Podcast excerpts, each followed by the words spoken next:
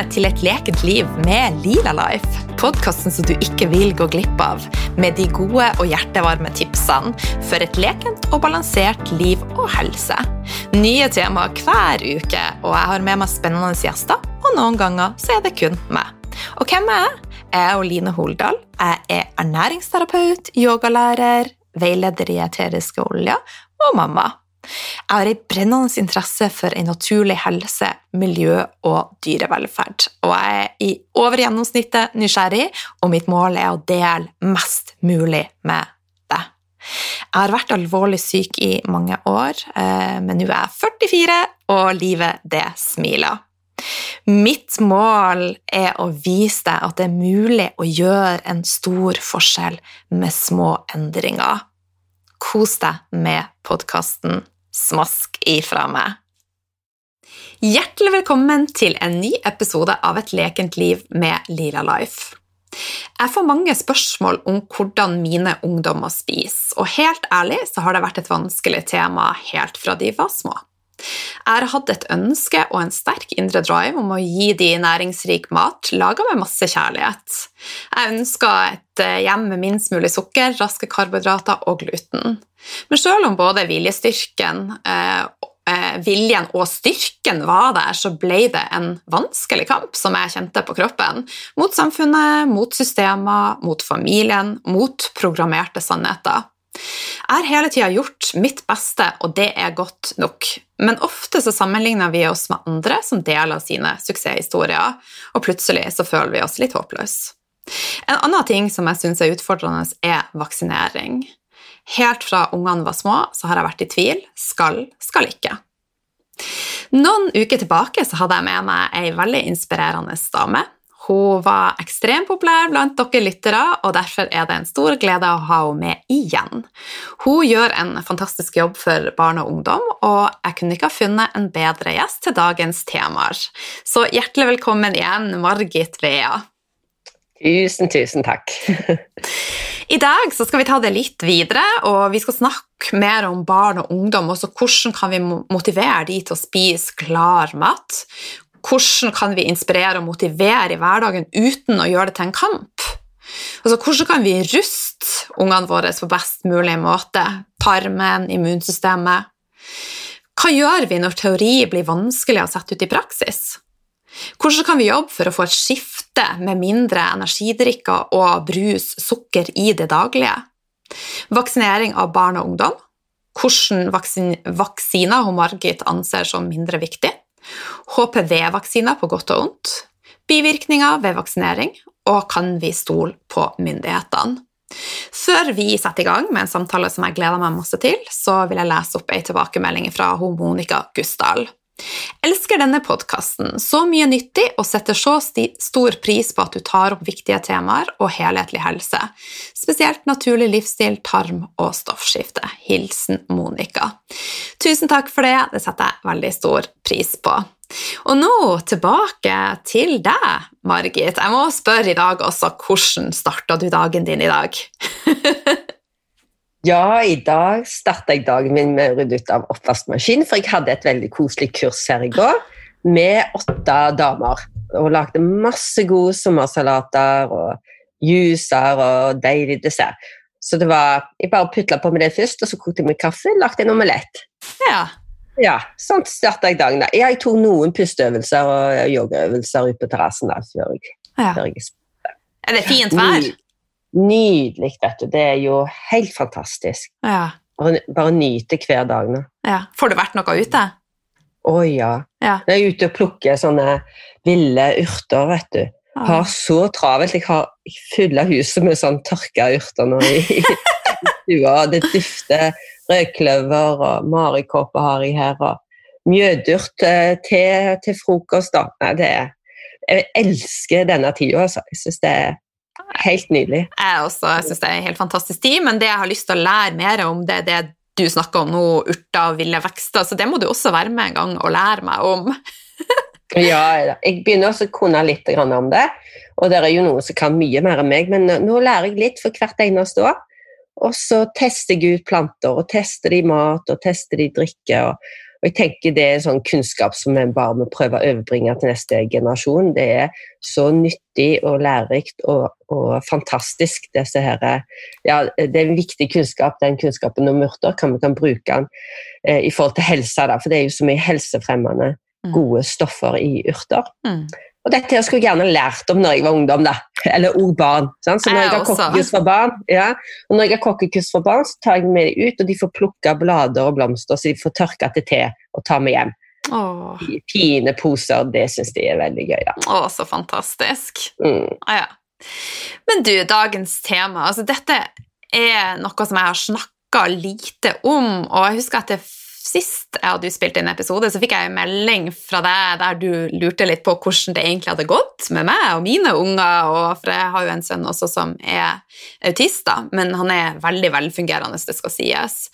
Eh, men jeg syns sjøl at det har vært en vanskelig kamp, og det kom til et punkt der jeg faktisk ble syk for at jeg kjempa, kjempa mot alle rundt meg. Og eh, det er jo mange ting som jeg ikke har fortalt, men f.eks. når jeg kom på sykehuset og eh, hadde skrevet opp da hvilke vitaminer og tilskudd jeg ga han, for jeg ga han D-vitaminer, så ble det heller sett på som liksom veldig eh, fjernt. Tenk å gi sønnen din de dosene med D-vitaminer. Så jeg har opplevd mm. veldig mye rart. Eh, men hvorfor er det så mye motstand eh, mot et kosthold som ses på som litt annerledes, som er litt utafor normene? Hva tenker du? Ja, hvorfor det har jeg stilt meg selv om spørsmålet om hele veien, altså i alle år. Hvorfor er det så liten interesse fra myndigheter og helsevesen og de som da er eh, ressurspersoner rundt barn som sliter, som får kosthold? Mm. Eh, og særlig da i, i, forhold til barn med ADHD og autismediagnoser, for der ser jeg det kjempeviktig. da. Men det er viktig for alle barn. For alle barn. Men der har jeg jo erfart at vi kan gjøre veldig mye via kosthold. Sånn. Og um, når, når, sykepleiere forteller meg at de har vært på konferanse i Haugesund hvor uh, alle helsearbeidere eller sykepleiere og barnepleiere og sånt går på, og så står det en fra scenen og så sier jeg må ikke høre på Margit Vea, for kosthold det virker ikke. Og det var det i forhold til ADHD. Og jeg har vært på sånn informasjonsmøter. Jeg prøver å være forsiktig, for jeg, ikke, jeg, tenker det er en årsak til at de tenker sånn som de gjør, for de ja. vet ikke bedre. Sånn. Eh, og, og, de har jo ikke lært så mye om kost og ernæring i utdannelsen sin. Det er ikke vektlagt. Det er piller det meste handler om, ellers er det atferd. De bruker mye sånn pedagogiske eh, metoder og, og, spesialpedagogikk, og veldig mange som tar etterutdannelse i spesialpedagogikk. Men de burde jo hatt en stor, uh, stor del av den undervisningen burde handla om mat. da. Enig. At, og det har du jo sikkert erfart. Men når de sier sånt fra scenen, så tenker jeg det er jo ikke rart at folk blir skeptiske, men så er det noen som reagerer på det òg, og så tenker jeg dette her er jo feil. Mm.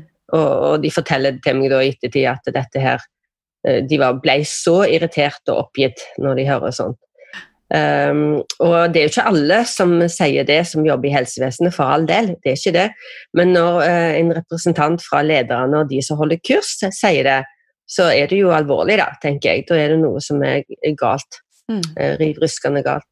Og, og, det er jo det vi kjemper for som mødre, da, for jeg kjenner meg veldig igjen i det du, du sier her at uh, underveis i alle disse år så føler du, du du gjør det du kan, du bruker masse energi på å lage god mat, prøve å fortelle dem hva som er bra å spise, og du har lyst til å Du har nesten Ja, du har jo et omsorgsbehov å beskytte ungene dine, og du vil ikke de skal spise gift. sant? Så, så, du har vært en sånn gjeter da, for disse ungene dine i alle år, mm.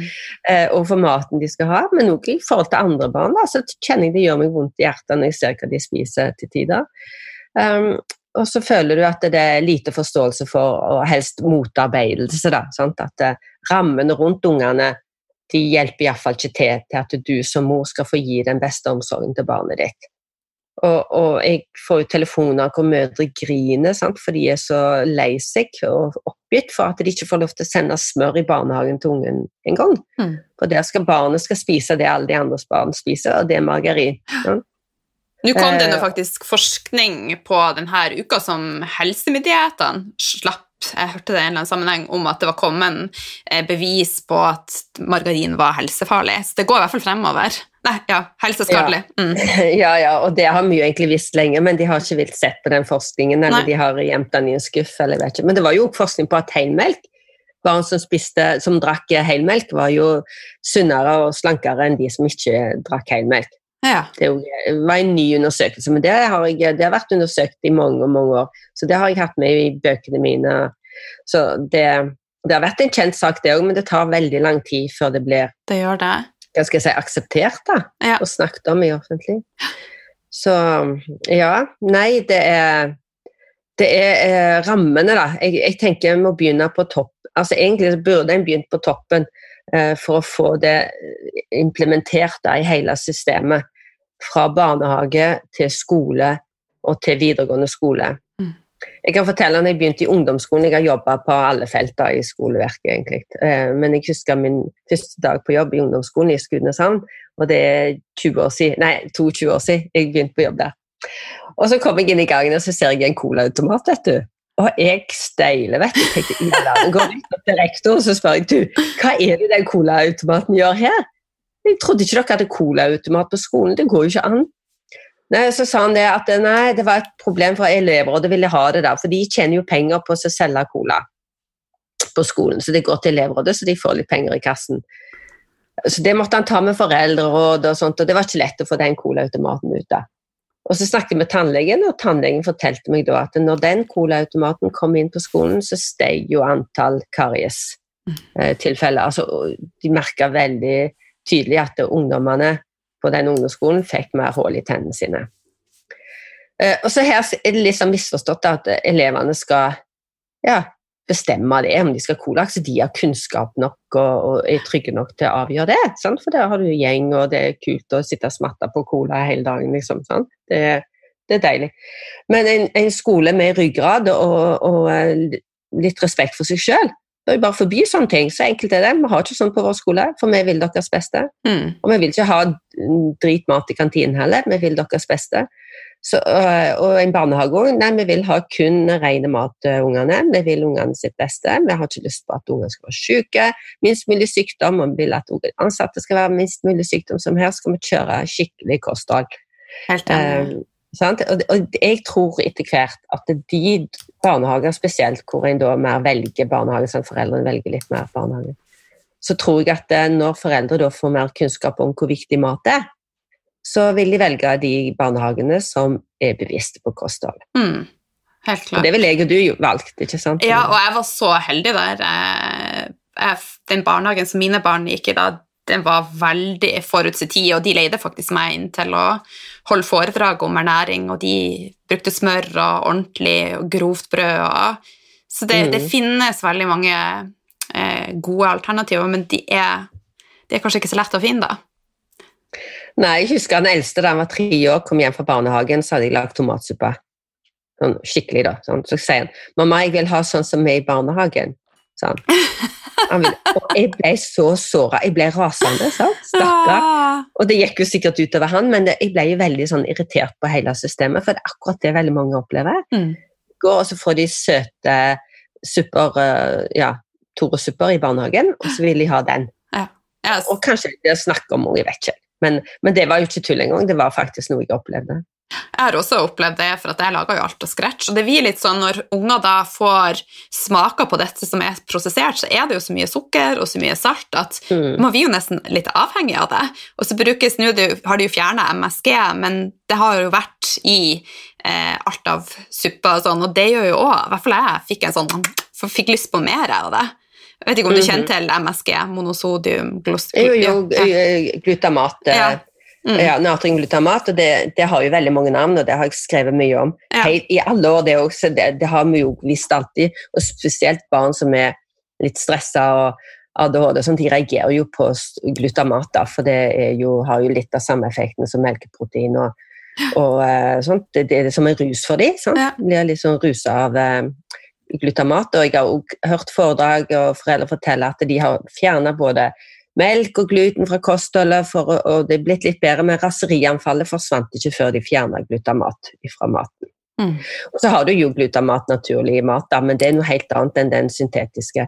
Og, og sånt her på Karmøy hvor jeg bor, vet du, er det en del sånn gatekjøkken og sånt, og der står jo svære sånne plastflaskebokser med sånn denne glutamaten, så jeg sier det for all dritt til smaker godt. Sånn. Og Piffi-krydder, er det det det heter hos dere, eller? Vi har Piffi og så Ja. Ja, og vet du hva jeg har gjort da? Med Piffi-krydder, siden de syns det er så godt, så har vi lagd hjemmelaget Piffi-krydder. Så det står her, og hvis jeg ser en sånn Piffi-krydder fra butikken, så er det rett i søpla. Og det hender jo de har liksom folk som kommer innom sant? og som kjøper Piffi-krydder, men de har ikke lov til å ha det her. Nei, så bra, da. Ja. Så da lager jeg, og så har jeg lært de, og så spør de jo av og til kan du bare lage det. Og så lager jeg kebabdressing da, sant? av skikkelig krydder, for den òg putter de dette her driten i, vet du. Ja, det er jo, puttet er jo det meste. Men du er Ja. tøffa. Jeg har jeg var litt sånn, men jeg har faktisk resignert litt. Grann. Men nå har jeg nå er mine 17 og 19, da, så jeg tenker at eh, mine Eller min kjærlighet for mat og sunne råvarer tror jeg jo at kommer inn i ryggmargen, og at det kommer inn i ryggmargen, og de ta, kommer til å ta det med seg. Så det, jeg tror det kommer til å blomstre til.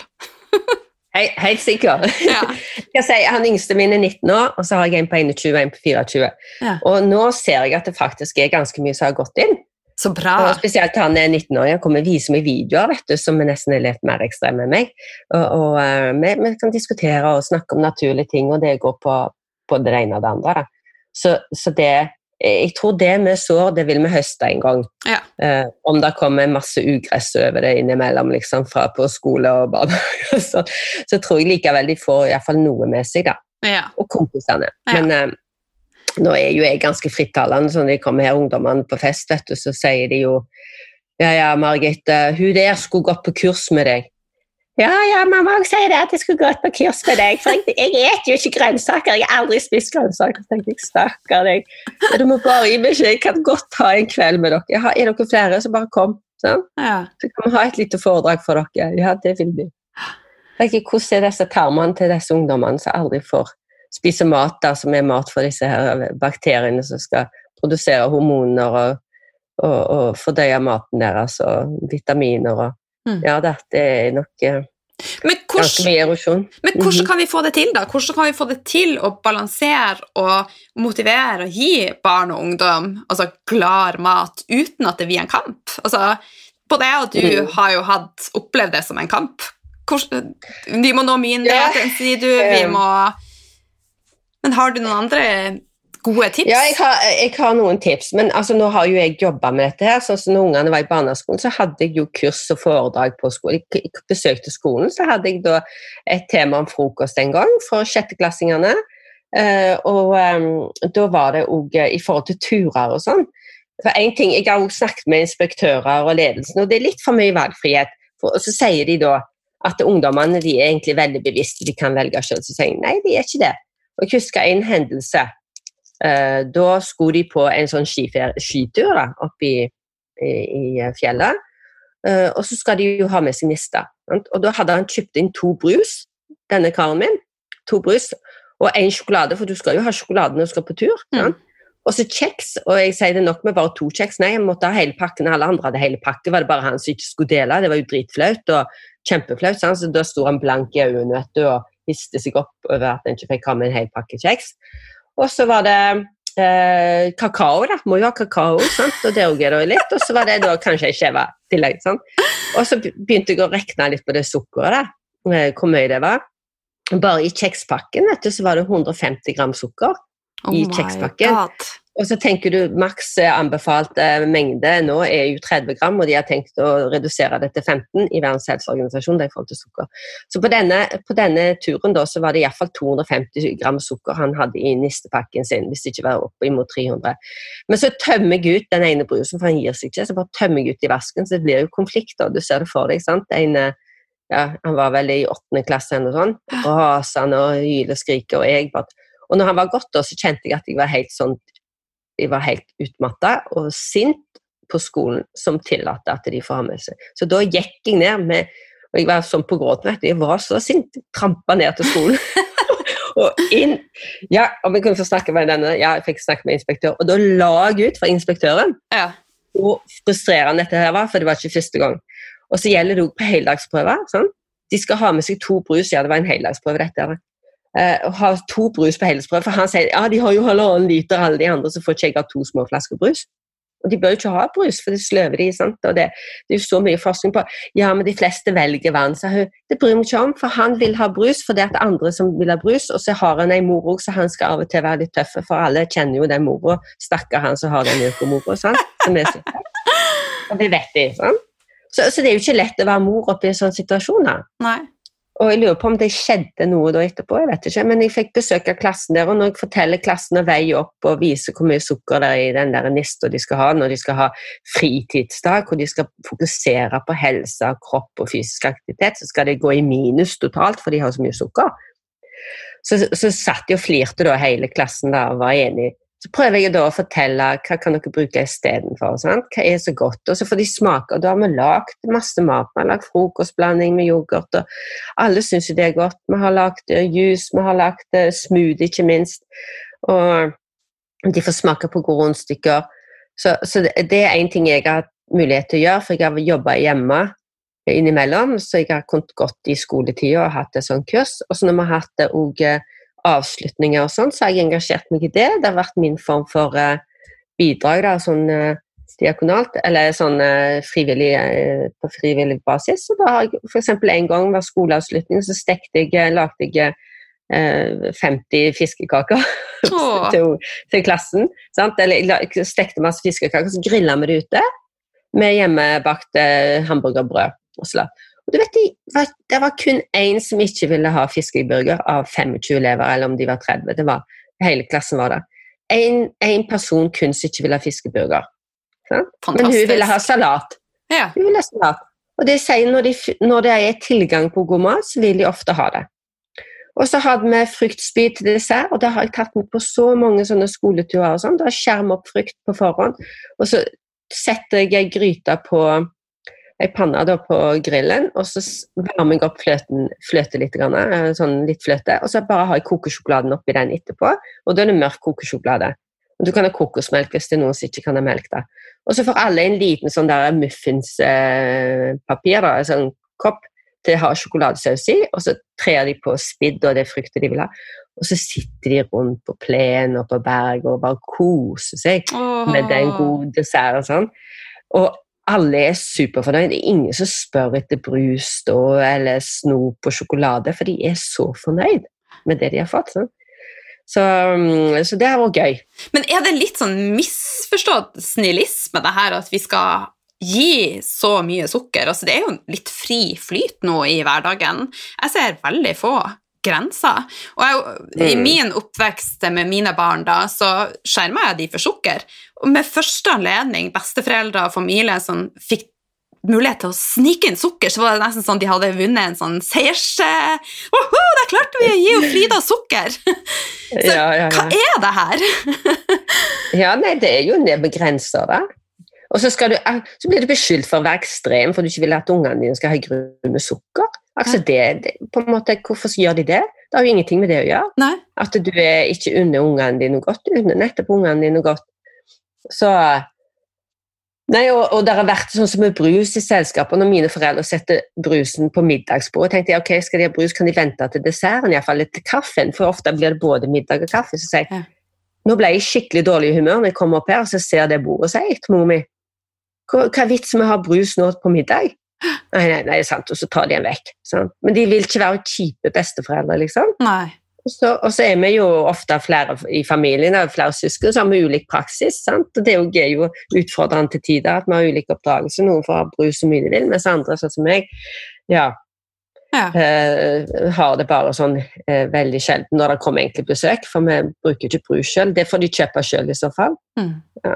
Så men, det, det, er til selskap og spesielle anledninger.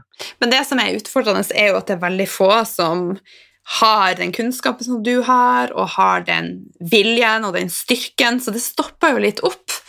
Så, men eh, mm. alle som hører på dette, tenk at du har en stemme, så gå og snakk med barnehagen, gå og snakk med skoler. Altså, ytre meninger, er du ikke enig? i? At vi må få det ut? Jo, vi må rope høyt, og det har jo jeg gjort da, mye ofte. og Derfor så er det noen som tar de og ringer meg, da, de lokal-TV-ene og sånt, spesielt før. eh, og, og, skal ha meg til å uttale ting. For jeg, jeg, skriver jo, de følger jo med blogg og hva jeg legger ut. og sånt. Og så En gang så var det det med energidrikker, og da skrev jeg vil heller spandere en øl på 19-åringen min enn energidrikk. så bra! og, ja, ja, ja, det skrev jeg i bloggsak, og det ble det jo litt av sånn oppstyr av, da, for det er jo en del eh, avholdsfolk på øya. Og jeg er med det og sa nei, og forklarte hvorfor. Og ja. nevnte det med Ja, én ting er koffein i, uh, i uh, energidrikker, men, men uh, det hormonet, teorien, det snakker få om. Og hva det, gjør, hva det, det gjør med kroppen vår? Så prøvde jeg å forklare liksom, hva energidrikker gjør. Og så òg sukkerinnholdet. da. Øl er nå iallfall eh, Du kan få tak i godt kvalitetsøl, men det er mye karbohydrater i øl men det er ikke så syntetisk. Det er rene produkter. Altså det er rent produkt, så jeg vil heller skal drikke øl enn energidrikk. Så her får de lov til å drikke øl, men de får ikke lov til å drikke energidrikker. Det er forbud, og det er forbud også mot eh, søtstoff, sånn som Pepsi Max. Det får de heller ikke lov til å ha i hus.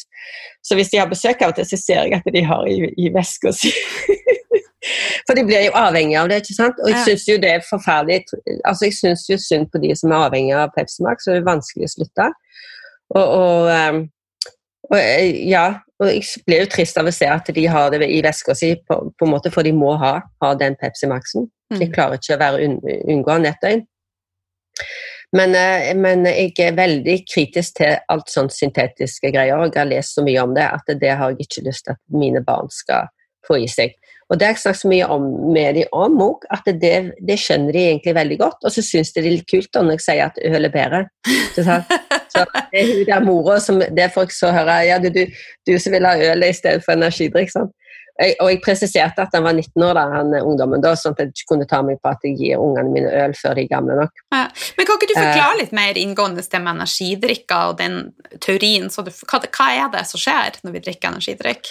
Uh, ja, sånn som teorien, altså Det var jo sånt de oppdaga denne Red Bullen, eller det, de kom på å produsere den pga. at teorien var brukt i Japan som en sånn for, yte, for å øke yteevnen. Det er et sånt hormon fra testiklene til en okse altså, som, som, gjør at det blir sterkere liksom, og mer utholdende.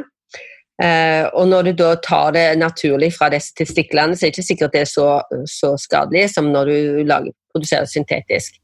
Men det som skjer da, at det, spesielt sier enkelte leger at det, er det noen unge gutter da, som drikker mye av dette, eller er det noen som har en, en, en latent hjertefeil, som kanskje ikke oppdager, så, så, kan det være farlig. For det at teorien nettopp får hjertet til å jobbe mer enn det egentlig vil. For Hadde du ikke tatt og drukket energi, så hadde kroppen sagt nå er jeg trøtt, nå orker jeg ikke mer.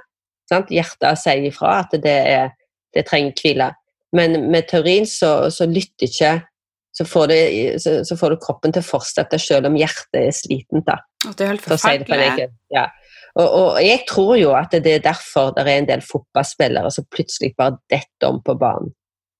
Og Jeg husker en gang vi var i London for å, på sånn fotballtur, der, for han ene spilte mye fotball, så skulle de trene der. og Så fikk vi omvisning i Liverpools lokaler, og han som viste oss rundt der, så forteller han da i garderoben at, eh, og på dette bordet så er liksom masse flasker med trylledrikk til spillerne. Og det er det siste de gjør før de går ut på banen, de drikker dette her. Og hva sier de, det vet ikke jeg, men de flyr ut på banen, sa han. Oh my god. Så var det liksom siste kicket de fikk.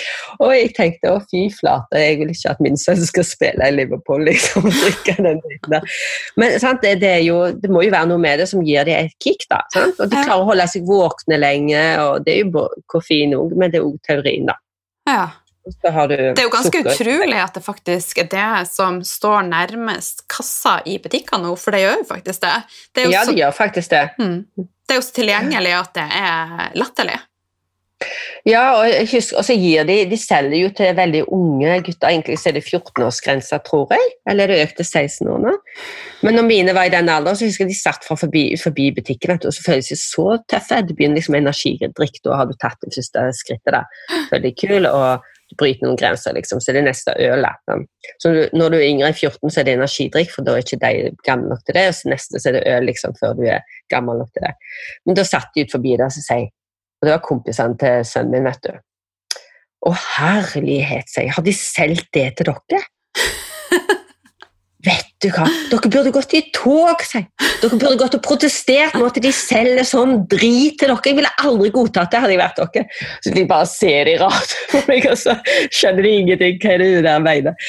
Men det var litt sånn flaue, da, sønnen min, så spar på det. Men vet du hva, faktisk alvorlig, så kunne de fortelle da, da litt grann hva det var. Og så tenker jeg om de bare kjøper det videre, men nå har de iallfall fått litt informasjon om det, og det får de til å tenke. Og jeg tenker også, hvis flere var tydelige på dette, for det er jo for vi voksne er så feige, for vi skal være så poppis hele veien. vi skal være så populære. Mm. Men faktisk så tror jeg ungdommene syns det er mye mer kult når du er tydelig og ærlig.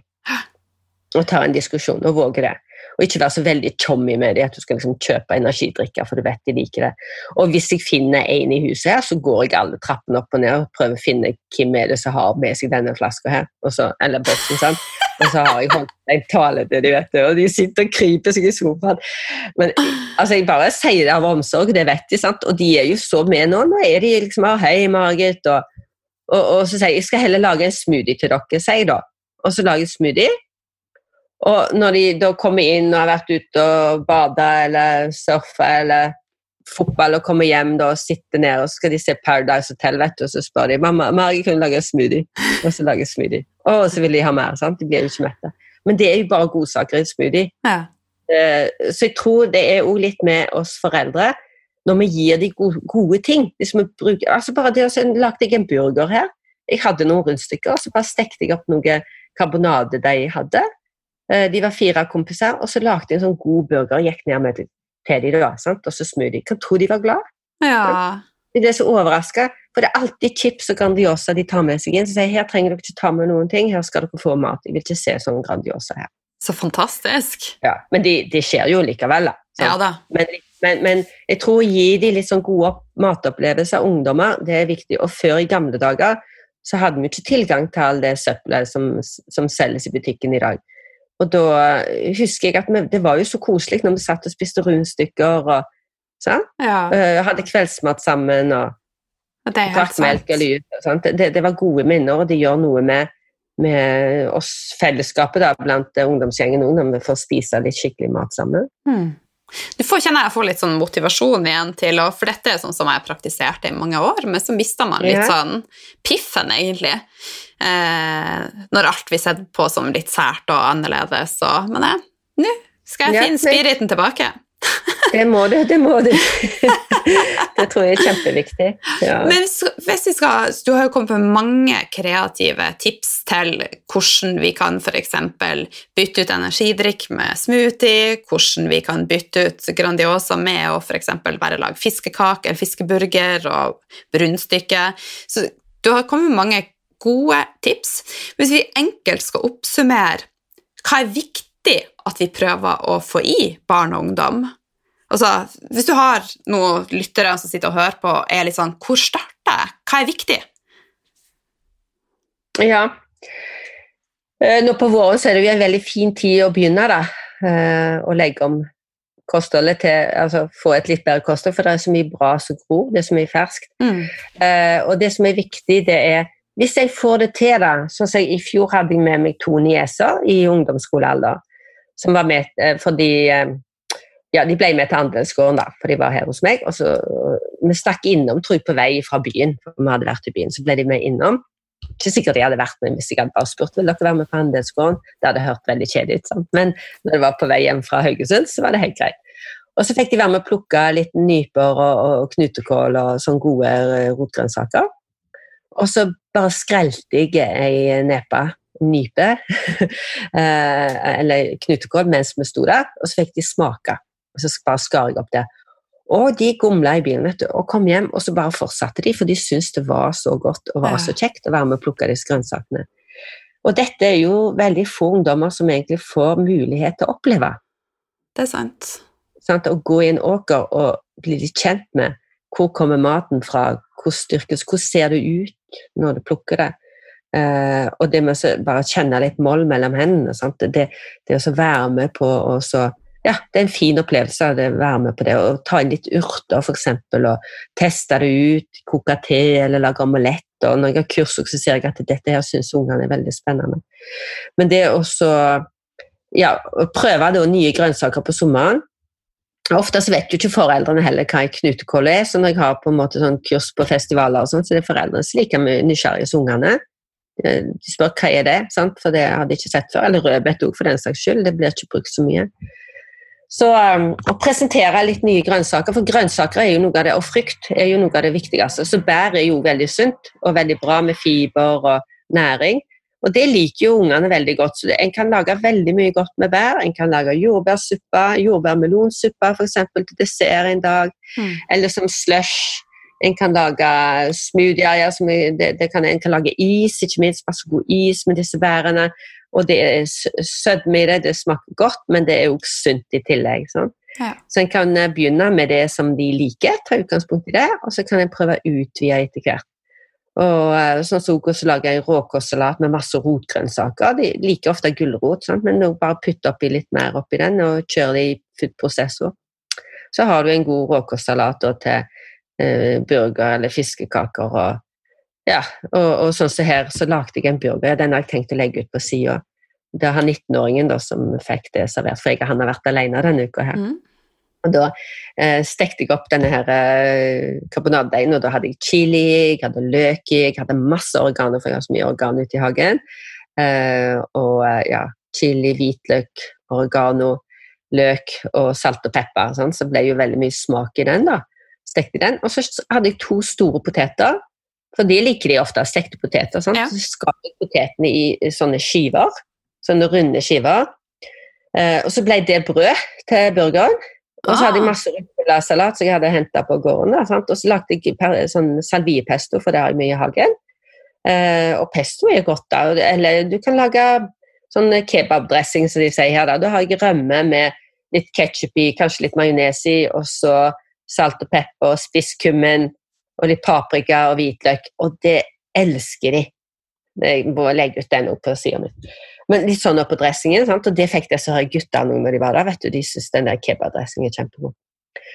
Eh, og så en potet på toppen der, sant? så er det liksom eh, en veldig god, sunn eh, burger. Åh, oh, nå er jeg nesten sulten. ja. Og så sier han 'Å, dette var kjempegodt', sa han. Ja. Uh, og da blir, De elsker jo kjøtt, disse guttene, men, men, det blir litt mer enn bare kjøtt. da. Det blir, uh, blir en del grønt, og det blir mye god næring da.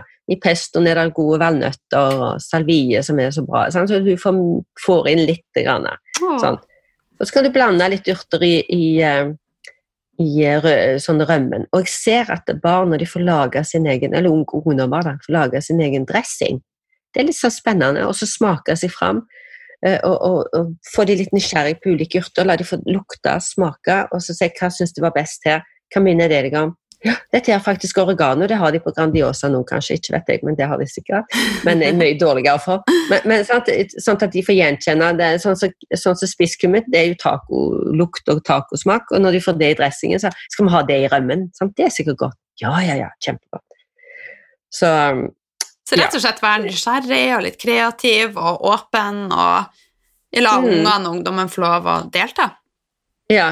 Mm. Og, så, og, så, er det jo uh, litt vanskelig av og til, for jeg ser ungdommene de har ulike preferanser. En liker gryterett, en annen ikke. Han vil ha det rent, på en måte, ikke alltid gryte. Så noen ganger så blir jeg litt lei, da, for det er alltid en som ikke er helt fornøyd, og så er det noen som er fornøyd. Ja. Men så må jeg variere, da. Jeg må ja. jo bare gjøre det. Ja. Og så, hvis de ikke liker maten min, så får de gå og kjøpe den sjøl. Men eh, mm. du er jo en driftig dame, du gjør mye. Har du noen gang tid til å bare slappe av? Ja, det, ja, jeg har det. Jeg har tid til å slappe av. Men, men, det å lage god mat til ungene, eller ungdommene da, nå, syns jeg er en gave. Altså Det at de står opp og spør mamma, kan ikke du lage en god omelett til meg, det er jo, det er jo herlig. da. Ja. Så det gjør jeg da. Når jeg er hjemme og har tid til det, ja. så syns jeg at det er veldig godt å kunne gjøre. Nå har jeg vært en del vekke fra de òg, så jeg prøver liksom å ta igjen litt. Og det savner jeg når jeg er vekke fra de, at jeg oh, jeg syns det er godt, det gjør meg veldig godt å lage skikkelig mat til dem. Og så ser jeg nå begynner de å få kjærester, så begynner de å engasjere seg. og Den ene kjæresten var med meg ut og plukket urter her. Sånn.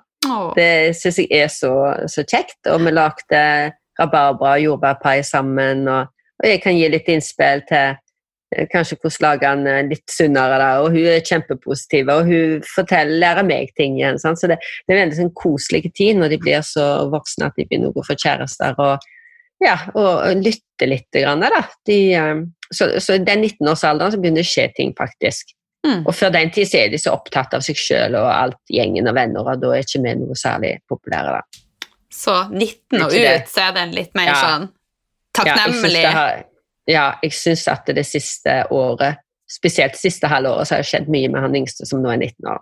så, Han er veldig sånn tenker og veldig bevisst, da. Og så er de opptatt av å trene og sånn. så bra. Så da er de opptatt av kosthold da. De vet jo såpass nå. Nå har du kommet med mange gode tips, og nå tenker jeg at vi skal ta og vende fokuset litt mot eh, vaksiner. Eh, forrige gang du var med, så åpna jeg jo den døra til å faktisk snakke om vaksinering, for jeg syns at det er litt sånn skummelt, for det er så mye ja, meninger, og det slås hardt ned på hvis man har en mening som avviker litt, som alt annet, da. Så eh, gjennom barneårene så har jeg vært veldig sånn skal, skal ikke på mine unger, da. Så kan ikke du fortelle oss litt om vaksiner, og eventuelt om du har noen tanker om noen som er mindre viktige enn andre? Noen som, yeah. som vi bør ta? Hva er dine tanker? Ja, det er vanskelig å si hva min Jeg har veldig mange tanker om det. Eh, Men det viktigste av alt er jo at jeg- anbefaler alltid til lese, alle til å lese seg opp sjøl. For hva jeg mener, det er hva jeg mener. Ja. Og, hva, og, og hva jeg ville gjort i dag. For mine er nå gamle, og jeg fulgte vaksineprogrammet når de var mindre, men det angrer jeg på. Jeg angrer på enkelte vaksiner som jeg lot dem ta. Eh, Og siden den tid så har det òg blitt eh, lagt til flere vaksiner i barnevaksinasjonsprogrammet. Og hvis du spør hva som er helt unødvendig, så mener jeg hepatitt B er jo helt unødvendig. Den fatter begriper jeg ikke at de har eh, tatt med i barnevaksinasjonsprogrammet. For det er jo eh, mot virus altså Det er en seksuell overførbar sykdom de vaksinerer spedbarn mot. Altså, og den slutter jo virke før de kommer i seksuell eh, alder. ikke sant? Så eneste årsaken til at de kan få eh, hepatitt B, er jo hvis mor eh, sprøytenarkoman eller sånn, eller, eller ligger med mange jeg holdt på å si, det, det, det er etter fødselen, eller ja, risikoen er voldsomt liten. Så så lenge du mener at du og partneren din er ganske ryddige og er friske, så har, har en, trenger en ikke ta den vaksinen. Er det for kan at kan det smittes via amming, er det det, da? Fra mor til ja, jeg, vet, jeg vet ikke om det smittes via amming, eller om det er via fødsel eller blod, altså. Ah, ja. Det gjennom blodet, ja. Ja, hvis du blør sånn, så kan det jo være. eh, Men eh, det er jo veldig få det gjelder. Det er Ja. veldig, veldig få. Og så hva den da kan, eh, og bivirkninger av den, det kan en gå inn og lese om på, på, på Legemiddelverket sine sider. da. Så hepatitt B er ja, Hepatitt B, og den er lagt til senere år. Det er ikke så lenge siden den ble en del av barnevaksinasjonsprogrammet, og den mener jeg er helt unødvendig. Og så har du eh, den rotavaksinen som er sånn mot eh, diaré, eller rotaviruset, som du får i munnen. Den òg er unødvendig. Og den har de lagt til mer for, av økonomiske årsaker. Det kan du Det er ganske Og hva mener du med det? eh, åpent. Nei, for at det, det er billigere å gi, tror de, da. eh, Å gi eh, små barn den vaksinen enn å behandle de når de da eventuelt skulle fått diaré kom på sykehus. Så de regner det ut fra sykehuset Men det er veldig, veldig god hjelp å få hvis barnet skulle få det viruset.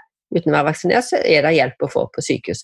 Og jeg har fått så mange henvendelser fra mødre og snakket med så mange mødre som har barn som ble skikkelig, fikk store problemer med mage og tarm etter de tok den vaksinen.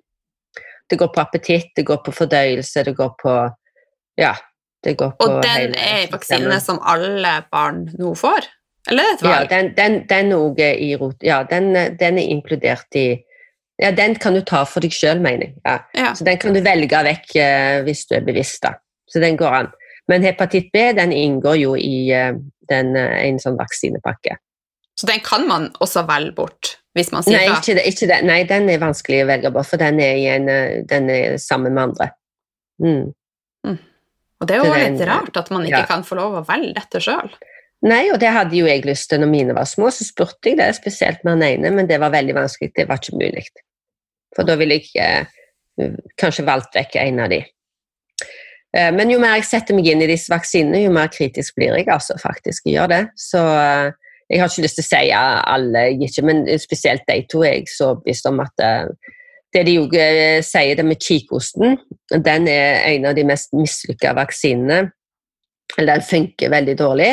Og eh, forskning, en del forskning viser at det er mange som tar den. Du får en annen type hoste, da, men du får, får mer eh, astma og allergi av den. altså Spesielt astma og tørrhoste, eller hoste på en litt annen type hoste enn om du får kikkhoste. Den varer en, et par uker, og så er du over. Og da er du òg immun. Sant? Og da får du ikke den mer. Men i forhold til vaksine så blir du ikke immun, så derfor kan du få, ja, får du det igjen, da. Uh, men kanskje ikke så hardt. Men, men, noen kan jo Det er mye mer astma nå enn det var før i tida. Ja, ja. Så det er mistanke om at den faktisk bidrar til å øke antall altså, astmatilfeller. Men kan man velge bort uh, den, da? Nei, den òg inngår i en sånn trippelvaksine. Eller nå er det mer enn trippel, da. Det er jo flere Det er vel fem ulike smittestoff ungen får når han er tre måneder. Det er jo altfor mye, da, tenker jeg. Ja. Så en ting er hvis en vaksinerer, så bør en vente til immunforsvaret er ferdig utvikla sånn, iallfall på god vei, rundt to år. Og der har jeg jo støtte hos han Tore Midtvedt, som er forsker på mikrobiom i over 60 år, og han er vel 85 år nå. Mm. Så han har snakket en del med om akkurat dette her. Uh, det blir altfor mye, da. Men eh, i eh, Amerika så begynner de jo fra dag én, sånn, så der er det enda verre. Så har du K-vitaminsprøyter som de får rett etter fødselen, og det er noe mener jeg ikke er nødvendig. Eh, det er kun noen få som, eh, som kan bli syke pga. K-vitaminmangel, men eter du sunt og masse grønne grønnsaker, så får ungen nok K-vitamin. Og en ting til som er viktig i forhold til K-vitamin hos nyfødte, det er at en ikke tar og klipper navlestrengen av, men lar på en måte næring fra morkaker få, få um, renne inn i barnet, da, både i forhold til jern, men også K-vitamin. Så altså, Spis masse gode grønnsaker med K-vitamin. og Har du også en velfungerende tarm med masse gode bakterier, så produserer jo bakteriene i tarmen vår K-vitamin. og Ammer du, så er det òg mat for gode tarmbakterier som, som, bidrar til å få god vekst hos babyen. Sånn? Men hvis de da for med morsmelkerstatning så har du ikke den veksten av eh, mikroorganismer da, i tarmene. Det har du jo ikke, men med morsmelk så er det jo etter en stund så, så klarer babyen fint å produsere K-vitamin på egen hånd. Mm. Det med navlestrenger er ganske nytt for meg, men hvor lang tid anbefaler du at det går før man eller klipp den? Men de sier sånn iallfall så lenge det er, liv igjen, altså puls. Ja. Men så, kanskje en halvtime. Jeg, jeg, ja. Syns jeg de husker. Men iallfall, det, det kjenner de jo. om det er puls. Så jeg hadde jo gjort det nå, men det ikke, visste ikke jeg når jeg fikk barn, at det var veldig viktig. Uh, så uh, ja, Det visste ikke jeg heller. Mm. Så vi har krypt av navlestrengen altfor tidlig i mange år, men nå begynner de å ta hensyn til det. Nå gjør de ikke det. Mange steder så gjør de ikke det, de venter litt. Det er jo bra. Bra at det går fremover, mm. i hvert fall, og at vi ja. lærer noe nytt skritt for skritt. Altså. Ja, sant, ikke sant. Det er fantastisk. Men ja. nå har vi vært innom en del vaksiner. Men en av grunnene til at du er veldig skeptisk, er jo for at det er en del bivirkninger ute og går. Vil du fortelle litt mer om de eventuelle bivirkningene som Uh, ja, altså nå la jeg ut opp på Facebook da, en forskning, fordi i Amerika så det er Children, Children's Health Defense med han Robert Junior Kennedy. De jo, uh, er jo opptatt av det, dette her og har lagt ut mye bra forskning som, som, hvor de da ser på vaksinerte og uvaksinerte. Og de ser igjen og igjen at det er mye bedre generell helse hos de som ikke er vaksinerte. Da er det astma, allergier, matintoleranse, sånn, spesielt òg ADHD, mm. autisme. Eh, og sånn, sånn, eh, for alt sånn generell helse det er mye bedre da, hos de som ikke er vaksinert. Og dette her oppfordrer de da myndighetene til å ta tak i og gjøre enda større undersøkelser på, men de vil ikke. Selv om de har dataen der, så vil de ikke gå inn i det. Og det er jo eh, merkelig. Hvorfor kan de ikke gjøre det? Og i Norge òg, sa jeg Jeg har vært i dialog med Folkehelseinstituttet, og de sier dessverre så har vi ikke forska på dette i Norge heller. Og vi har jo mor- og barneundersøkelsen, og der kunne det veldig enkelt vært lagt inn et spørsmål har du vaksinert barna dine. Og, og hvor mye, hvor ofte og, og sånn. Men ikke, de, de, har ikke tatt det med engang, en så viktig faktor for helsa. Ja, så det er det jo noe som skurrer? Ja, et eller annet, for da kunne de jo vist at det faktisk ble friskere barn av vaksine. Tenk hvis vi kunne det, for da kunne de bevist det med sånn. Da kunne vi, se, ja, vi ser det at de som er vaksinerte, faktisk har mye bedre helse enn de ikke-vaksinerte. Mm, det er et kjempegodt poeng. Ja. Hvorfor er de så redde for å gjøre sånne undersøkelser? Og så svarte de meg her, men det var gjort en i Danmark, men det var i sånne antroposofiske miljøer, hvor de til og med spiste fermentert kål. Og derfor, og så derfor kunne de ikke ta hensyn til den forskningen, for de var så sunne, så der var de veldig friske. Så mye friskere enn de andre som var vaksinert. Så derfor var det ikke mulig å ta. De må liksom ete samme maten. da. Så det er veldig vanskelig å gjøre sånne undersøkelser, men likevel så forteller det oss noe. Hvorfor kan de ikke heller tvinge folk til å gi ungene sine fermentert cola? Hvis det gjør de mye friskere istedenfor sprøyter, sier jeg da. Ja. Hadde ikke vært fantastisk? Tenk hvis ungene var friskere uten vaksiner. Ja. Hva kunne vi ikke da gjort på helsestasjonene? Mm. Da kunne vi brukt tida til å fortelle foreldre hva barna kan spise, hva de kan gjøre, sånn og sånn, for at ungene skal få et sterkt immunforsvar på en naturlig måte, som egentlig var ment fra starten av. Ja? Istedenfor å tukle det til med masse sånn syntetiske kjemikalier. Hvis du ser hva som er i en sånn vaksine, så kan du rett og slett bli skremt og mørkredd. Gi oss noen Og eksempler. Uh, ja, jeg skulle tatt også Jeg har jo lagt ut på eh, nettsida mi så har jeg lagt ut en artikkel på, på det.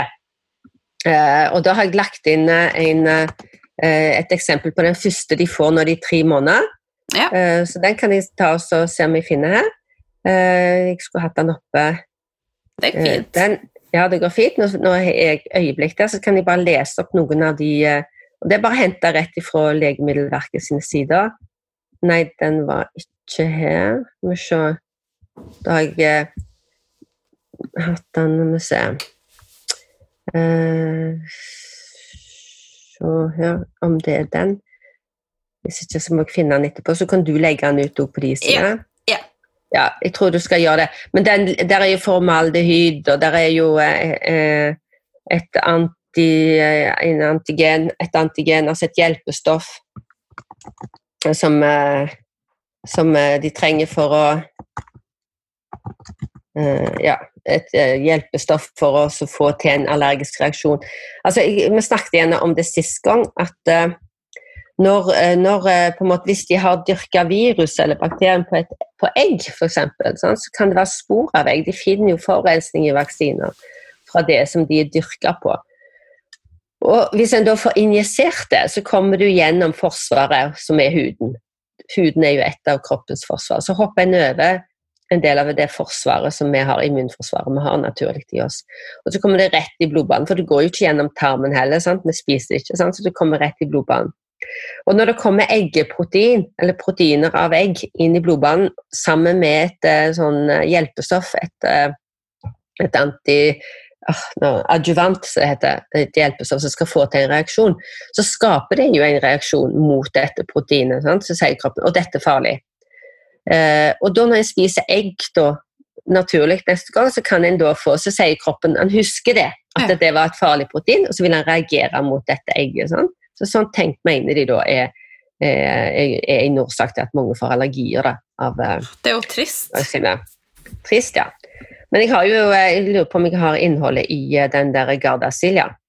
Det har jeg. Den har jeg funnet opp her. Ja. Hvis vi skulle snakke om HPV-vaksinen, men det er jo en annen sak. Ja, men jeg kan ta det, eh, ta det nå, og så kan vi se på ingrediensene i HPV-vaksiner.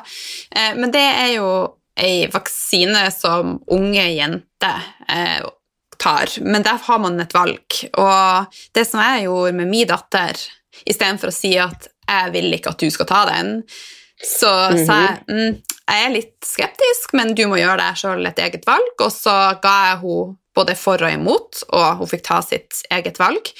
Og så snakka jeg jo da om viktigheten om å være eh, forsiktig med seksuell omgang og beskytte seg. Eh, så først, fortell litt om HPV-vaksiner. Hva er det? Jeg har fortalt litt, men du er eksperten her. Jeg er ikke sånn Ja, ja. Fortell oss. Ja, jeg kan si litt om det. Men, det, men det, det du sier der med hva du sa til henne om hvordan hun skulle beskytte seg, sant? Eh, Det, det, det, det er litt det samme som med dårlig mat og usunt. Vi skal liksom ikke være moralister, og vi skal ikke bli upopulære. Sant? Og det, vi skal ikke si til jenter ikke legg deg ned med hver en eh, folk du treffer, liksom. Det er egentlig litt lurt. Sant? Ikke lik med alle. Pass på deg sjøl. Og, og hvis du da legger, ligger med noen, så ta bruk kondom, for det beskytter deg mot så mye. Sant? Ja. For jo mer du driver hopper sånn, fra den ene til jo mer utsatt er du for sykdom og smitte. Det er jo bare sånt det. Og det snakker de jo nesten ikke om. Nei. Det er liksom bare helt greit å kjøre på, sant? Ja. Men da, da er jeg sånn gammeldags når jeg sier det. sant? Skulle tro det du, sier- skulle tro du var nordlending. Jeg er jo så mye forsiktig Kondom og sex og Jeg må øve litt på oh, Ja. Ja, nei, nei det er ikke så farlig å snakke om det. Men noen ganger skulle du tro det var farlig å snakke om det. Sant? For Ja. det er jo mange fordeler med å være litt, eh, litt eh, Kanskje litt kritisk da, Mm. til, til, til hva, hva en gjør sjøl.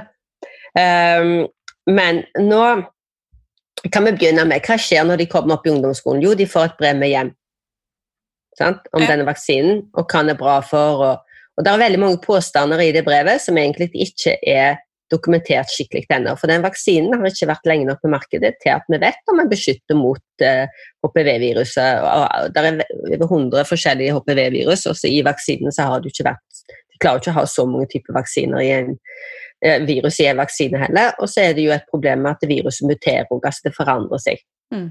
Sånt er naturen. Vi vil aldri vinne over virus, for de er geniale. Og takket være viruset lever vi, og takket være virus blir vi gravide. og takket være virus, Det er pga. virus at livmora eh, er utvikla sånn som den er, og at den klarer å bli gravid. og sånn. Så det viruset er, har en fantastisk eh, Det viruset er jo eh, årsak til at vi lever, for å si det sånn. da. Så de er jo veldig smarte, virusene.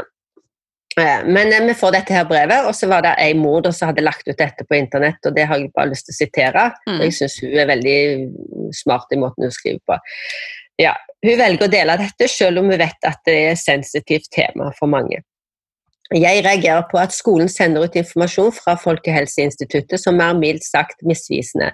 De skriver ingenting om at HPV-vaksinen i beste fall beskytter mot to virus av i alt 100 ulike HPV-virus, eller at vaksinen ikke er testet for kreftfremkallende egenskaper.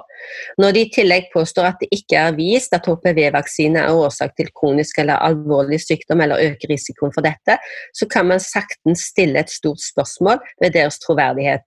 Vaksinen har dessuten ikke vært på markedet lenge nok til at vi har sett langtidsvirkninger, skadevirkninger av den. Og så legger vi en link da, til en dansk kommentar som heter 'De vaksinerede piker'. Den er jo fjerna fra YouTube og Vimeo, for det, at det er jo sensur på sånn. Ja, Men han ligger inne på det, ja. Og så får hun beklage da hvis det var innlegget provoserte noen. Men det var jo veldig greit, og så var det innlegg til informasjon. Og jeg har jo sendt en del forskning til de jeg kjenner godt, og de som da begynner å sette seg inn i det, og dette er folk med doktorgrader og alt, Ja. eh, de blir skikkelig kritiske, og da får ikke ungene ta den vaksinen når de satt seg inn i det. Og en ting også som, ikke, som er glemt i dag, da, men som var veldig, eh, som var veldig tydelig når han, eh, det var snakk om om han skulle på markedet eller ikke, det var om det var at det var veldig mange leger og forskere som var sterkt imot den advarte sterkt mot denne vaksinen. Eh, det, så det var ikke overveldende flertall for å, å få dette her i, barnevaksinasjonsprogrammet. da. Men eh, dette her med langtidsvirkninger, for de bare ser kanskje på to første ukene, men alle de jentene jeg har møtt som har eh, fått eh, livet sitt ødelagt, der har det gått litt sånn skritt for skritt. Eller det har tatt litt eh, tid. De har gjerne ikke blitt sånn kjempesjuke med en gang, men så plutselig. De har gjerne blitt litt dårlige.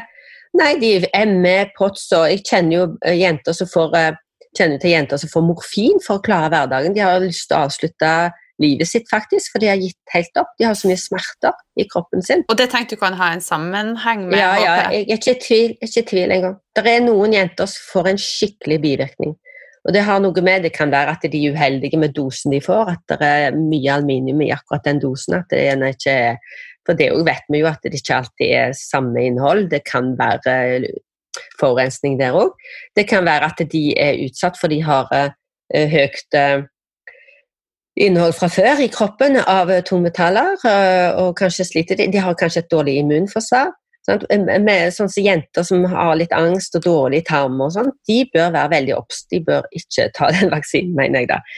Uh, og jeg ser også på HPV-vaksinen, sånn bivirkningshefte, så er det, der er en sånn oversikt over bivirkningene. da. Og den henviste jeg til jeg sendte til Folkehelseinstituttet, og så stilte jeg de veldig sånn, konkrete spørsmål i forhold til den rapporten da, som de har skrevet om bivirkninger. Og da spesielt i forhold til mage-tarm, for det er litt derfor jeg har blitt eh, engasjert i dette. her, For jeg ser det kommer så mange unge jenter som har problemer med mage og tarm. Eh, og så spør du litt, jo, så har det jo skjedd etter de fikk den vaksinen. Men det ser de på som en mild bivirkning. Ja. Det, er jo, det forundrer meg. Og det, det og så sier de ja, så flott at du har lest eh, bivirkningsrapporten. Altså, Jeg er en liten student, men det er jeg ikke. Sant? Jeg blir liksom, måten de, det er litt sånn hersketeknikk måten de svarer på. Men de svarer jo ikke på spørsmålet mitt heller, for jeg mener de bør forske på det. De bør faktisk ta avføringsprøver før jentene får vaksinen, og så bør de ta etterpå. For da har vi bevis på at det har skjedd noe i tarmen deres hvis det har skjedd noe. Og det er jo en enkel prøve å ta. Ja, ja. så det, det tenker jeg i framtida så kan det være en, en, måte de kan forske på dette. Da. Men det er så Jeg har hatt jenter som jeg har snakket med, og mødrene sitter og tårene renner, for endelig blir de trodd. liksom. De blir ikke trodd, for de sier det er Nei, jenter de har angst pga. angst, du har fått dette her. Og, og så sier de kyssesyke. Sant? Men det som skjer da, hvis de da får et, eh, at dette går utover immunforsvaret, sant? Da, gjør de, da blir de mer da risikerer de faktisk at de kan bli syke av kyssesyke òg, det viruset der. For normalt så har vi, mange av oss, det viruset i oss, men det, det, da er immunforsvaret de så svakt at det bryter ut. da, At de får den sykdommen. Og så blir de fortalt at pga. kyssesyken de har fått ME. da. Men hvorfor fikk de kyssesyken? Hvorfor går de ikke til den opprinnelige årsaken? Ja.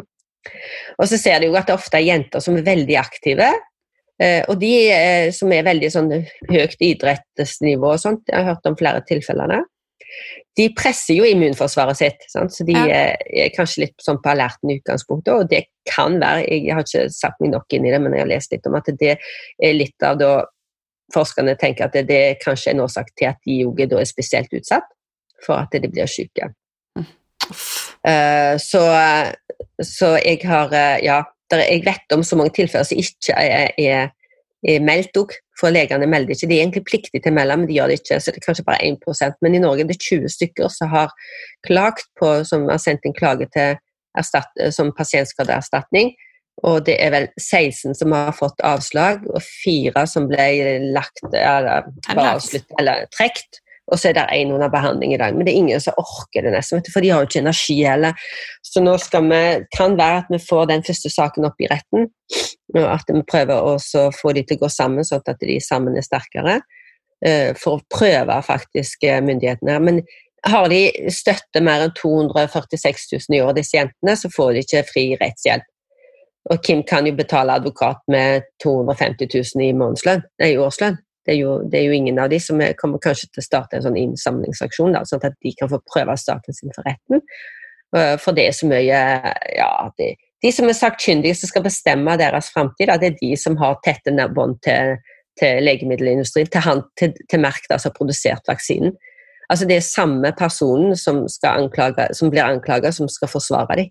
Wow. Det, ja, det er jo ingen andre det er jo på ingen andre fagfelt eller andre saker i rettsvesenet hvor vi har den situasjonen at det, den kriminelle skal både forsvare og, og, og være, være, både forsvarer og aktor i saken. Mm.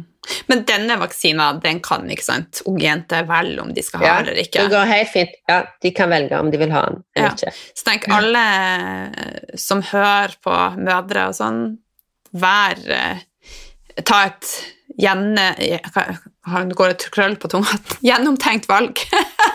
ja, og så søk gjerne, for det er ikke gjort noen double-blind-studier, altså eh, gullstudier, som de sier, randomiserte studier på det. Nei. De har bare sammenligna den HPV-vaksinen, gitt til friske uh, jenter som aldri har vært syke, som har topp immunforsvar, har vært med i uh, å teste den vaksinen. Også i den gruppa som de skulle teste det mot, de har fått en annen vaksine, så de òg har fått aluminium. For det er aluminium som, er, uh, som de mistenker er årsaken til at de får disse forferdelige sykdommene. Ja. ja. Og så tenker jeg det kunne vært min datter. Sånn. Ja. Det kunne vært min datter, og vi bryr oss ikke gjerne så mye om dette, siden det ikke er min, min, min datter går det fint med. Men det er så mange jenter som sliter med dette. Jeg syns det er helt forferdelig å høre at de får ødelagt hele ungdomstida si. Er helt enig. Og framtida, egentlig. Ja. Helt enig. Så, så den, den er jeg åh, ja, og Jeg har lest det, Götze kom nettopp ut med en bok, og han er ikke sånn mot alle vaksiner. Han er f.eks. meslinger veldig positiv til. Jeg er ikke helt enig med han der heller. men men denne her HPV-vaksinen er det ikke tvil i hans sjel engang. Han var veldig sånn framme for å advare mot denne her. Han var jo leder på et sånt Coran-institutt. Og han ble et problem der, sant? fordi at han gikk så hardt ut, og hans forskerteam eh, og de gikk hardt ut mot denne vaksinen og anbefalte han ikke, og mener at dette her er, var mer sånn ja, det er korrupsjon, det er mafialignende tilstander, spør du meg. altså. Jeg er skikkelig kritisk til den. Hva den boka heter Etter vaksiner eh, Han eh, heter 'Vaksiner, sannheter og kontroverser'. Ja. Götze. Den er veldig kjent. Mm. Ta og Legg med den til episoden. Jeg tror Ja. du har eh, gitt svar på det, men jeg stiller likevel spørsmålet. Kan vi stole blindt på rådene vi får fra myndighetene i forhold til vaksiner? Nei, aldri. jeg stoler ikke på dem. Jeg har tenkt litt det med tillit, det har jeg vært veldig opptatt av i mange år. For, for vi er jo et land som har veldig stor tillit til myndigheter, og vi er veldig naive. da, sant? Vi snakket litt om forrige episode, at de er i butikken, så er det bra. Men så tenker jeg, hva er det hva, liksom Bare se på kostrådene de gir. Mm. Det får meg til å, å miste tilliten til myndighetene når de har så dårlig kostråd, og når de ikke bryr seg mer om mat og miljø enn det de gjør. Og hvordan skal vi da tro og stole på dem når det gjelder vaksiner? For det òg syns jeg at det er altfor Når de da bruker Når de ikke får saken sin opp, når de ikke blir trodd, og når de blir behandla sånn som de gjør, disse jentene, jo mer jeg hører på de historiene, jo mer opp, ja, jo mer over, altså Jeg blir nesten ikke overraska snart, men jeg tenker dette her skjer i vårt land, som egentlig skal være så ja, kommet så langt, på en måte. Sant? Så her er det veldig menneskerettigheter her. Nei, vet du, det er så store overgrep, mener jeg da, fra staten. Så ikke tro på må stille kritiske spørsmål. Selvfølgelig, myndighetene gjør veldig mye bra, men de er ikke perfekte, de heller. Så det er jo sånn vi driver et samfunn framover, med å være kritiske. Og jeg tar feil jeg av og til, men uh, jeg ser det jeg har tatt. Og i forhold til maten, sant, med tilsetningsstoffer, ble jo ledd av det er jo når jeg har sk- skreket om det. holdt på å si. Ja. Sånn, syntetiske søtningsmidler. Nå viser det seg at det er jo noe drit. sant? Og nå holder jeg på å skrive en bloggsak om det, for det er så mange som spør om det. Men, men alt dette her har jo stemt i forhold til hva min magefølelse har sagt til meg. Og, ja. og så tenker jeg vi må ikke godta alt som andre vil påføre vår kropp eller våre barns kropp. For vi er perfekte. Et barn er perfekt når det kommer til verden. Mm. Det er, det er helt, eh, helt fantastisk. Så tenker jeg når disse her perfekte nyfødte de må få blomstre uten at vi griper for mye inn i deres, i, i deres eh, økosystem, for å si det sånn, til deres liv. Da. Ja. La de få, få Vi må, må se, bevare de med respekt og Mm. Men, og støtte de. men Mm. det som jeg fortsatt syns er trist, da, er jo at jeg anser meg sjøl som ei sterk dame, og jeg ser bare hvor tøft det har vært for meg å skulle ha tatt alle de her valgene og gå imot strømmen. Så jeg skjønner at det er veldig vanskelig for foreldre å ta avvikende valg. Eh, men jeg tenker at vi må ikke gi opp. Vi må ta denne kampen. Vi er nødt til det. Så eh, Ja, ja, dere vil ikke angre hvis dere bare eh, Og stol på dere sjøl. Altså, så jeg, jeg er meg, jeg mener det. Om noen mener noe annet, så er det greit. Ja. Men respekter meg for det jeg mener, så, skal, så respekterer jeg deg for det du mener. Eh, om du mener at HPV-vaksinen er kjempeviktig, ok, det er greit, men jeg er ikke enig med deg. Mm. Jeg, eh, og der er jeg faktisk jeg er så frimodig at jeg kan anbefale folk bare sett dere iallfall inn i, i eh, forskningen på det. Jeg kan gi dere artikler og lese den boka, så får dere ta valget sjøl. Men jeg ville ikke gjort det med min datter, kan jeg si. Og, og at jeg er så tydelig på sosiale medier. Jeg traff jo ei her i Haugesund som eh, var en veldig oppegående dame der, og hun sa det er så bra alt du deler, men jeg kan ikke trykke likes. Da mister jeg kunder. Oh my god! Det, ja, det er jo sånn folk sier. sant? Og så har de jo venner og kiropraktere høyt, og de har så sansen for at de deler ut. De syns det er kjempebra, for de sjøl kan ikke si noe. Så dere skal vite at det er veldig mange kiropraktere og osteopater i dette landet, for de har i deres utdannelse så er det mye mer grundigere sånn fysiologi og anatomi i utdannelsen og om immunologi mer enn leger, for de studerer jo medisin. Sånn. Men de studerer, de har mer eh, timer på kropp og på, på helse, litt mer sånn eh, naturlig tenkning. Da. Så det, veldig mange, mange kritiske i den gruppa, uten at jeg eh, Ja, det vet jeg, for jeg kjenner, kjenner jo en del. Men uh, det er selvfølgelig begge, begge deler der òg. Men uh, mitt inntrykk er at uh, de som har stor innsikt i anatomi og fysiologi, de er, og natur oppi dette, her, og mikrobiom spesielt, tarmflora og fordøyelse, de er mer kritiske enn andre. Mm. Du, helt på tampen, har du noe du eh, har lyst til å tilføye ut fra det vi har prata om? Eller har du vært gjennom alt du hadde på hjertet? ja, ja, nei Det var veldig bra spørsmål i dag. Jeg syns det var et viktig tema.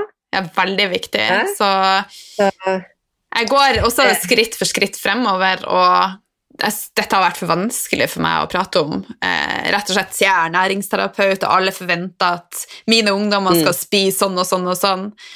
Mm. Ja. ja. det kan jeg si noe om, for det, det kjenner jeg meg igjen i her. For vi alle tror at vi er så perfekte, ja. men det er vi ikke. Og så merker jeg når jeg har kurs og forteller om, om, ting som jeg har mislykkes med, sant? Mm. så ler folk, og de slapper litt av. Og, ja, jeg, er jeg er langt fra perfekt, og jeg har ikke fått det til. Og jeg har en mann som er ikke alltid er helt med. Sant? Når jeg da ser å fy søren, hvem er det som har kjøpt den Nugattien her og hisser meg opp og ikke klarer å dy meg, for jeg bare har altfor mye følelser i forhold til det, sant? og så blir det bare dårlig stemning. Å, ja, nei, nei, Og så har jeg noe han hadde tatt hjem fra en konfirmantleir. Fy flate, jeg har ikke lyst til å sende ungene mine på konfirmantleir. Kan servere de bedre mat. Alt blir gale innimellom. Men, men, men, eh, så ingen er perfekt, og alle sliter. Men vi, jo flere vi blir, jo bedre blir det. Og så hvert skritt er bra. Sant? Og så bare spare på de gode, gode stundene. Og så prøve å puste dypt, for det jeg, har jeg måttet trent i. da, når jeg har jeg husker en familie så satte de på bordet der, det der glutamatkrydderet, vet du, det pep, pifi. Og det ble så dårlig stemning. Og jeg var ras, rett og slett, jeg, var, jeg er jo sånn jeg legger ikke skyld på det eller alltid, vet du, når det er Hvis jeg bryr meg ikke om om jeg blir rasende, så bare Nei. sier jeg jaker og sier 'Du kan bare gå ut og ete mer, du trenger ikke sitte her, jeg vil ikke se deg'. på det nivået. Og nå prøver jeg å Jeg har lært litt, altså prøver å puste dypt inn, og så at, at vi har litt fred og fordragelighet, da, selv om det ikke alltid liker Så jeg er langt fra perfekt. Nei, ikke det. Jeg må, jeg må si sånn avslutningsvis at jeg driver og gjemmer ting her i huset, for mannen min er sånn som han er vokst opp med O'boy, så han er sånn Stakkars ungene mine, skal de virkelig ikke få O'boy? Så han kjøper O'boy, og jeg gjemmer den. Og sist pakke den fant jeg gjemt under sofaen. jeg, skal jeg har tid til en liten sånn historie om Boyd på slutten? Ja. ja. for Vi var på hytta der, og det var det, den hytta, vi hadde en hytte noen år, så var det noen som hadde lånt den der. Sant? Og så kom vi hjem da til sommeren, og så var det han han var tolv år på den tida, og han, han, tåler veldig dårlig vanilin. da, sant? Og så var det O'boy. Oi, mamma, se her er O'boy. Og så, så, så, viste jeg han, jeg lærte han å lese emballasje, og sånn, så leste han å nei, den her den er ikke bra for oss, mamma. Den kan vi ikke ha ja, men kan jeg gi den til onkel og tante, og så sa han da navnet på onkel og tanten, og så ser han opp på meg og sier nei, mamma, vet du hva, de har ikke godt av det, de heller. altså, så, det veide søppelet veile O'boy der. Altså, selv om de spiste O'boy, så hadde de ikke godt av det, så han måtte, måtte hive den. Men det forteller meg òg at selv han var tolv år han, Det er helt utrolig hva, han, hva de lærer. Ja. Hva de kan lære, For han erfarte, han kjente han på kroppen sin at han, han ble ikke, det var ikke så bra. at var, han ble det var ikke noe behagelig følelse for han da, å få for mye av det der vanilin-greiene i O'boy. Mm. Vanilin, er ikke det laga av råtten ved? Ja, det er sånn bark av et eller annet. Ja. Men det er en trigger, det òg, ja. ja. ja. Yes. Men du, som vanlig er fantastisk og inspirerende å ha deg med. Eh, veldig, ja, veldig... Det er, jo så, det er, jo helt topp å snakke om sånne ting, da. Jeg, føler meg litt, jeg føler meg litt oppglødd, selv om vi har prata om ganske kjedelige ting. ja, ja. Nei, men det er veldig givende å gi god mat. altså Det er min form for omsorg, tenkte jeg. Og se For her kommer, når, når du er ungdommer, sånn, så har de venner, de kommer fra ulike hjem og ulike livssituasjoner, og de sliter med litt forskjellige ting. så vi kjører de av og til her og der og snakker med dem. Og det å gi dem litt god mat og se dem inn i øynene og prate litt, vet du hva, det er kjempeviktig ja. at vi gjør når vi har ungdommer i huset. Altså. Være til stede for dem sosialt Mm. Ikke bare fysisk med mat og sånn. Kjempeviktig. Så med det så tror jeg vi avslutter. Tusen takk, Margit. Ja, takk for meg.